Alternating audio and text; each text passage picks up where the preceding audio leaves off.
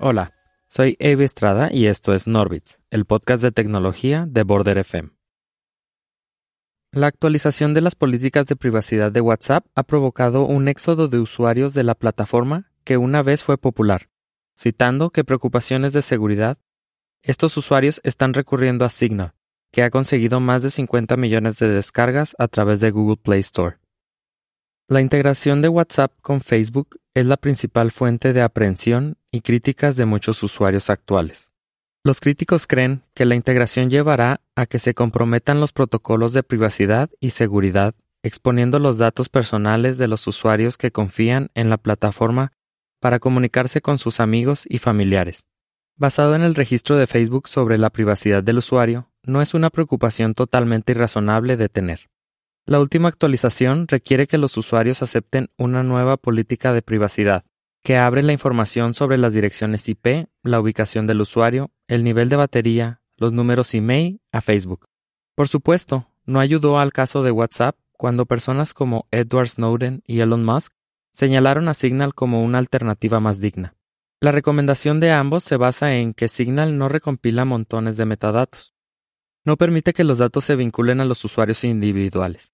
Durante el verano, durante las protestas en Estados Unidos, añadió una función para difuminar las fotos para evitar la identificación de los activistas y cubre información como las llamadas, los chats de grupo y otros puntos de datos tras la encriptación.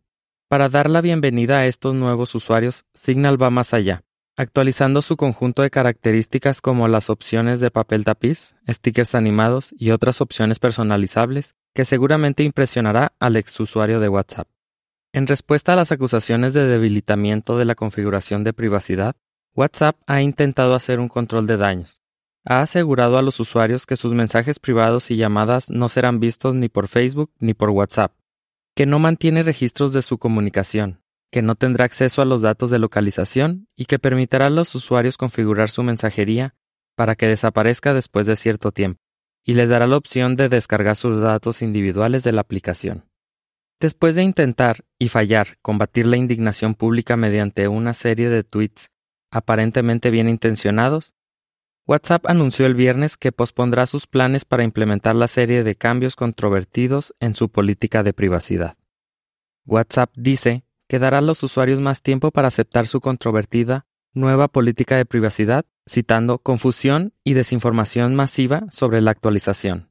La aplicación de mensajería propiedad de Facebook ahora dice que permitirá a los usuarios revisar la política a su propio ritmo, antes de que las nuevas opciones comerciales estén disponibles el 15 de mayo, y que no interrumpirá el servicio de nadie el 8 de febrero. La decisión de WhatsApp de retrasar la nueva política se produce después de que la compañía introdujera abruptamente cambios de privacidad a principios de este mes con una advertencia emergente de que los usuarios podrían aceptar la nueva política antes del 8 de febrero o perder la capacidad de usar la aplicación por completo. Los nuevos términos abordan el enfoque reciente de la empresa en la mensajería empresarial, una función que se usa ampliamente en muchos lugares fuera de Estados Unidos. Pero la advertencia alarmó a muchos usuarios quienes interpretaron los cambios como que Facebook endurecería su control sobre sus datos. Ahora, WhatsApp está retrocediendo algunos de sus mensajes anteriores. Ahora estamos retrocediendo la fecha en la que se pedirá a las personas que revisen y acepten los términos, dice la compañía. A nadie se le suspenderá o eliminará su cuenta el 8 de febrero. Incluso con el retraso, WhatsApp puede tener dificultades para revertir el daño que ya se ha hecho. Para terminar, Intel ha reemplazado a su CEO después de solo dos años en lo que había sido una dura batalla para los fabricantes de chips. Bob Swan, quien se convirtió en el director ejecutivo de la compañía a principios del 2019, será reemplazado a mediados de febrero del 2021 por el veterano de la industria tecnológica Pat Helsinger. Las acciones subieron en un 8% tras las noticias del cambio. La compañía de Santa Clara, California, dijo que el cambio de liderazgo no está relacionado con su desempeño financiero, pero la sorpresiva sacudida siguió a varias semanas de cabildeo de los inversionistas del fondo Third Point, que había impulsado el cambio. A mediados del 2020, Intel reveló que había un retraso sustancial en el desarrollo de un proceso de fabricación de chips de próxima generación, que ya está en uso por otros proveedores importantes, incluidos TSMC de Taiwán.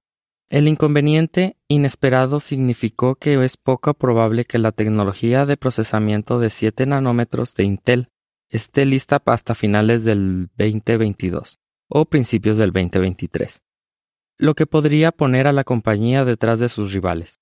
Apple también asestó un golpe a Intel el año pasado cuando comenzó a reemplazar los procesadores Intel con los propios chips de Apple en las nuevas computadoras Mac. Helsinger ha sido el CEO de VMware desde el 2012 y tiene más de cuatro décadas de experiencia en la industria tecnológica. Pasó la mayor parte de ese tiempo con Intel, donde comenzó su carrera y fue su primer director de tecnología. El presidente de Intel, Omar Israk, dijo en una declaración preparada que la Junta concluyó que ahora es el momento de adecuado para realizar este cambio de liderazgo para aprovechar la tecnología y la experiencia en ingeniería de PAT durante este periodo crítico de la transformación de Intel.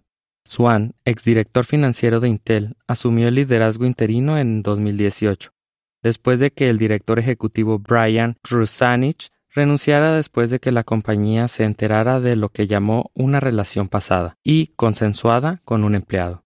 Después de una búsqueda, Intel confirmó a Swan como CEO a principios del 2019. La experiencia financiera de Swan marcó un cambio para Intel, que en su mayoría ha tenido ingenieros en la cima desde su fundación en 1968, aunque su quinto CEO fue un economista. Swan dijo en una declaración preparada el miércoles que es el momento adecuado para una transición y que apoya plenamente la llegada de Helsinger. Esto es todo en esta ocasión. Gracias por escucharnos a través de border.fm. Hasta la próxima.